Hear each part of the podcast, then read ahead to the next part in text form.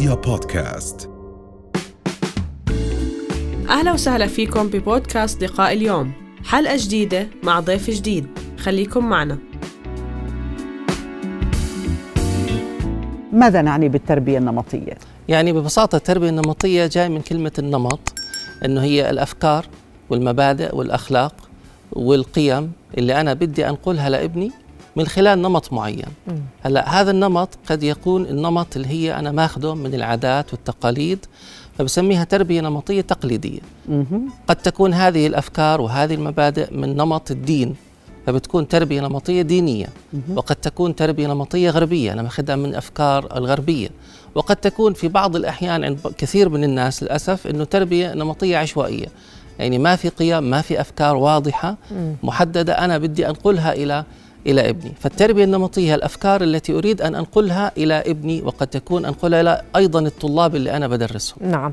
طيب دكتور في نقدر نحكي في نمط نموذجي؟ يعني حكينا عن عشوائي ديني نعم. اجتماعي. هل هناك نمط نموذجي أنه إذا استخدم هذا النمط بغض النظر آه، عن توجهات العائلة هذا النمط هو يعني الأضمن لتنشئة الأبناء بالشكل الأفضل؟ هلأ الأفضل دائما إنه يكون أنا في عندي آه، معيار إني أرجع له في تربيتي لابني. هلأ قد يكون هذا المعيار ديني فبالتالي هو مناسب. قد يكون هذا المعيار مرتبط في مراحل الطفل في المراحل النمائية لطفلي فبالتالي نعم. اذا هو نمط جيد. قد يكون هذا المعيار مرتبط في آه، قدرات الابن فبالتالي أيضا هو معيار مناسب. مم. فإحنا ما بنقدر نحكي إنه في نمط محدد للتربية. هو النمط اللي بيكون له معيار مم. بيكون هو الم... يعني نعم. النمط يعني لا نستطيع قولبة التربية بنمط واحد بالضبط طيب شو الأنماط اللي لازم نعتمدها لأنه أنا بشوف أهل زي ما نعم. أنت حكيت عشوائيين يعني لما نعم. يصير الموقف الغلط بيحكوا عنه نعم. العشوائية هي الدارجة لأنه إحنا بنخطط ننجب الأبناء بس ما بنخطط كيف بدنا نربيهم نعم. وهذا اللي عم بيصير نعم. هلأ أنا دائما بنصح الأهالي إنه ندرس ونفهم أكثر مراحل النمو اللي بمر فيها الطفل م. هذا بيساعدنا على وجود معيار واضح للتصرفات اللي أنا بتصرفها مع ابني يعني خليني أحكي ببعض الأمثلة حتى تكون الأمور أوضح نعم. هلا الطفل عادة ما قبل آه، منذ بلا يعني النمو الطبيعي للطفل إنه هو يدرك هويته. أوكي. في عمر ثلاث سنوات تقريبا بيبدأ يدرك الطفل أكثر إنه هو آه، طفل ذكر أو ولد وطفل ذكر آه، أنثى أو بنت في عمر ثلاث سنوات بيبدأ يدرك هذا الطفل هاي المراحل النمائية اللي بمر فيها فبالتالي أنا لما باجي بستخدم نمط تربية بتناسب مع هذا المرحلة العمرية اذا أنا بخدم ابني وبربيه تربية صحيحة نعم. هلأ كمان الطفل آه ولذلك في هاي المرحلة بيبدأ تحديد الهوية الطفل نعم. بيبدأ يدرك هويته أكثر بيبدأ يعرف الاختلافات بينه وبين الجنس الآخر نعم. فبالتالي نعم. أنا كأب أو كأم بدي أزرع في ابني. هاي الهوية تبعته الخاصة فيه حتى يتنشأ تنشئة اجتماعية صحيحة. آه كمان مثلا الطفل ما قبل ست سنوات الطفل عادة بيعبر عن نفسه بطريقة فيها فرح نعم. فيها رقص فيها غنى فيها نط. آه نطفص بالضبط. فإحنا بنيجي بدنا نراعي هاي المرحلة النمائية في تربية الطفل. لما يكون عندي ابن مثلا أقل من ست سنوات وعبر عن نفسه وعبر عن الفرح بهاي الطريقة المفروض أنا أساعده. مش أكبته. لأنه إذا أنا بكبت المشاعر عند ابني بحرمه من ما يسمى بالنضج الانفعالي. طبعا. النضج الانفعالي مرتبط كثير بالخبرات اللي بمر فيها الطفل. اذا هاي الخبرات اللي مر فيها الطفل كانت خبرات مناسبة للمرحلة النمائية اللي بمر فيها إذا هو نضج عنده انفعالي. إذا أنا كبت هذه المشاعر وحرمته إنه يعبر عن نفسه بطريقة تتناسب مع العمر تبعه فبالتالي أنا حرمته من النضج الانفعالي وصار عنده كبت صار عنده مشاكل صار عنده هموم صار عنده هذا اللي عم نشوفه هالأيام يعني أنا بعتقد يعني من من الأشياء اللي كثير عمالنا بنشوفها طبعا لأنه حضرتك اللي عم تتفضل فيه واسع جدا فبحب إنه نحن نركز على نعم. الانفعال والتحكم بالمشاعر وفهم نعم. المشاعر لأنه يمكن هذا يعني أقل آه، آه، زي ما نقول شيء موجود عند الناس هو فهم مشاعرهم وعشان نعم. هيك عم بتصير المشاكل نعم. ومشاكل الطلاق ومشاكل خربان نعم. البيوت نعم. ومشاكل العلاقات نعم. لأنه الناس ما عم تفهم مشاعرها ولا عم تفهم مشاعر الناس اللي غيرها صحيح. وعم بيلغوا المشاعر كأنه شيء ثانوي نعم. بينما هو الأساس. لو أنا بدي أربي اولادي على يكون عندي النمط هو فهم نفسهم نعم. فهم مشاعرهم فهم مشاعر الناس اللي حواليهم. شو لازم أخذ بعين الاعتبار من البداية؟ أول شيء قلت إنه أخليه يعبر عن طبعاً. حاله. شو في كمان أشياء بهذه النمطية نمشي فيها؟ إنه أنا أعرف ما يتناسب مع المرحلة النمائية اللي بمر فيها ابني. نعم. تمام؟ لأنه إذا أنا فهمت إنه هذا النمط يتناسب مع مرحلة العمرية له معناته أنا يعني شغال مع ابني في التربية صح؟ نعم. إذا ما أدركت هذا الشيء معناته أنا ما بعرف يعني كيف أربي ابني صح؟ هلأ أنا كثير بهمني إنه الأهل يعرفوا إنه إيش القيم اللي بيحبوا هم يزرعوها في ابنهم؟ إيش القيم اللي بيحبوا يجنبوا ابنهم إياها؟ وإيش كمان المنظومة اللي أنا بحاول أزرعها في ابني؟ نعم. يعني إذا استطعت أجاوب على هذه الثلاث أسئلة معناته أنا بستطيع إني أساعد ابني على إنه يتنشأ التنشئة الصحيحة. لذلك أنا ما بقدر أحكي إنه هاي التربية النمطية بالمطلق خطأ وما بقدر أحكي إنه هي بالمطلق صح. نعم. حسب مراعاتي ل... أنا بشكل. لخصائص ابني ولقدرات ابني وحسب مراحل النمائية اللي بمر فيها الطفل. نعم. يعني الطفل مثلا ما قبل ست سنوات من عمره عادة بيبدأ وح- وتحديدا في عمر خمس سنوات بيبدأ يتشكل عنده الرغبة في العمل أو في اللعب مع الأطفال الآخرين. وخلال هذا اللعب إيش بيصير عنده؟ بصير عنده تفاعل اجتماعي بصير عنده قدرة على بناء العلاقات الشخصية. نعم. من خلال هذا اللعب بيستطيع يعرف ويميز الاختلافات الجسمية والجسدية والجنسية والاجتماعية بينه وبين الآخرين. الشخصية. نعم. بصير يعرف إنه أنا ولد وهاي بتشبهني أو ما بتشبهني لأنها بنت وهذا بيشبهني لأنه ولد. حتى بصير يعرف إنه الفرق بين إنه مثلا هذا لونه أبيض وهذا لونه أسود. نعم. بصير يعرف الفرق إنه هذا مثلا أطول مني وهذا أقصر مني. فإذا توفرت في البيت فرصة لأنه بهاي المرحلة إنه أنا أسمح له يلعب في مجموعات مع الجنس اللي هو آه، منه يعني يلعب مع الأولاد. إذا أنا بساعده على تفاعل اجتماعي سليم آه، بناء علاقات شخصية سليمة. نعم. أنا سؤالي على التناقض في نمطية التربية. نعم. آه، ذكرت أنت مثال أنه الطفل تحت عمر السن- ست سنوات بده يعبر عن حاله بالغناء الرقص نعم. الصوت العالي. لكن في نفس الوقت ممكن هذا الطفل يثير ويسبب إزعاج للعائلة المحيطة. نعم. آه بدي أدعم آه يعني تنشئته الانفعالية لكن بنفس الوقت بده يحترم إنه ممكن هو يزعج اللي حواليه.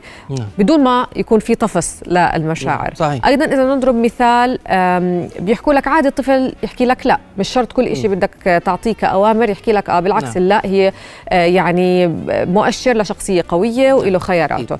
بنفس الوقت هو ممكن يفسر إنه تمرد أو عناد. نعم. فمثلا هدول المثالين كيف إحنا بدنا يعني نكون هيك فضفاضين أكثر بمصطلح الحزم والتربية؟ هلأ شوفي خليني أبدأ من آخر جملة أنت ذكرتيها إنه بصير عنده عناد بصير في عنده خجل. لو إحنا سألنا حالنا ليش بتتشكل هاي أصلا المشاكل السلوكية عند أولادنا؟ لأنه إحنا بصراحة ما بنعرف كيف نتحاور معهم ما بنعرف كيف نعدل سلوكهم ما بنعرف كيف نوجههم التوجيه الصحيح. عشان هيك بصير في عندهم هم مشاكل. أوكي. يعني زي ما حكينا الآن اذا إذا أنا مثلا ما شجعت ابني إنه يعبر عن انفعالاته يعبر عن مشاع مشاعره ممكن يصير طفل متمرد في المستقبل إذا أنا مثلا ما ساعدت ابني إذا أنا مثلا ما كان عندي نمط تربية محدد وواضح ابني حيتلخبط حيتر... حيرتبك بس قصدي. دكتور كيف بده يعرف حدوده يعني أوكي يعبر. عن حاله يعبر عن شخصيته صح. بس برضه هو الوقت المناسب ليعرف إنه في شيء اسمه خط أحمر نعم، أو بالضبط. خطوط عريضة هذا إنه يكون في عندنا إحنا ما يسمى في نظام آه، تأديبي ثابت. بمعنى إنه الآن ابني مثلا إذا تصرف تصرف سليم فهو بده يتعزز في نفس الوقت إذا تصرف بعد يوم هذا التصرف الكويس ممكن يتعاقب عرفت علي؟ إذا يعني. اليوم بالضبط إذا اليوم مثلا ابني إذا يعني إذا اليوم ابني تصرف تصرف خاطئ. ورحت أنا عاقبته. تمام وبكرة ت- نفس التصرف أو مشيته. تصرف مشيت له إياها. اذا أنا بربك ابني. مم. بهاي الحاله ابني نفسه ما راح يعرف يضع حدود لنفسه. نعم. لكن إذا في نظام تربوي أو تأديبي ثابت في البيت مم. آه، الطفل نفسه بيعرف هذا التصرف آه، تصرف حسن نعم. حيأخذ عليه تعزيز وهذا التصرف سيء. حيكون هناك عقاب. طبعا مش بالضرورة عقاب طب برأيك. شو العقاب؟ لأنه دائما يعني بن- نستضيف مستشارين وأخصائيين نعم. في مجال التربية وبيحكوا لك ما بيصير ضرب. ما بيصير صياح نعم ما بيصير حرمان مم. فكيف الطفل بده يعرف يعني هو هذه عم بتعاقب مش إنه ما بصير يعني هي تسمى يعني بالمراحل الأخيرة مم. لأنه في بدائل كثيرة للعقاب صراحة غير؟ غير الضرب غير كذا يعني أحيانا ترى إذا في علاقة وأنا دائما بحكيها لل- للناس إذا في علاقة طيبة بينك وبين ابنك في محبة في مودة في تعلق تمام كلمة أنا زعلان منك هاي تعتبر بالنسبة للطفل أكبر عقاب مم. عرفت علي؟ يعني مش بالضرورة أن أروح ل- للبدائل القاسية في العقاب أحيانا الحرمان من حاجة بسيطة بحبها تعتبر نوع من أنواع العقاب نعم تمام؟ أنا زعلانة منك لا ترتبط بالحب المشروط، إحنا هيك بنعلمه إنه حبه حبنا لطفلنا مشروط لا لا هو إذا تصرف تصرف خاطئ تمام؟ بس أنا أنا زعلان منك آه عرفتي كيف؟ نعم. يعني عبرت له عن انفعالي بهذا الموقف. هاي كلمة أنا زعلان منك هي تعتبر بالنسبة له عقاب. نعم. عرفتي؟ بس هو مش مشروطة في حبي له يعني. نعم. إبداع. لازم يمكن طبعا هلأ في شيء كثير هون بدي أجي للعقاب إنه كثير في ناس بيخلطوا التقبل مع مع العقاب. يعني مثلا إنه أنا مثلا لازم يعرف إنه أنا مش هأذي الطفل وأهينه لأنه آه. غلط. إنه أنا مثلا أنا بحبك بس أنت غلطت لما عملت واحد اثنين ثلاثة. إنه نفصل الطفل عن سلوكه وخصوصا في مرحلة المراهقة. بيكون نعم. الشاب أو الصبيه بأمس الحاجة للتقبل. نعم، فأنت. لما تقول له إن أنت تيست أنت نعم، عملت أو. تغلط عليه أو تهينه لمجرد سلوك هو عم عم بيختبر الحياة. صح. فهنا بحب أسمع من حضرتك كخبير تربوي شو لازم يتصرفوا الأهل بسن المراهقة؟ لما عندنا تربية نمطية أنا ما بدي أعدل سلوكه بس في بنفس الوقت بدي أضل أحترمه عشان هو ضل يحترم نعم. حاله وما يقبل الاهانه من حدا لأنه اللي بيقبل إهانة من أهله رح يقبل إهانة بعدين من كثير ناس. صحيح.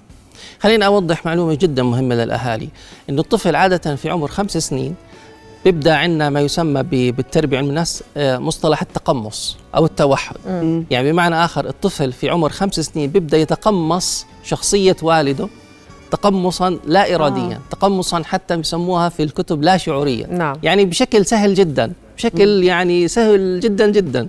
والبنت أيضا بتبدأ تتقمص شخصية أمها بعمر خمس سنين أيضا بطريقة سهلة في تسريحة الشعر في الكلام في المشي في التعبير عن الانفعالات والتعبير عن المشاعر فإذا إحنا كنا نماذج صحيحة في البداية يعني أنا كنت نموذج سليم لابني في البداية وهو تقمص هذا النموذج فمعناته أنا بعد خمس سنين بضمن حياة سلسة معه.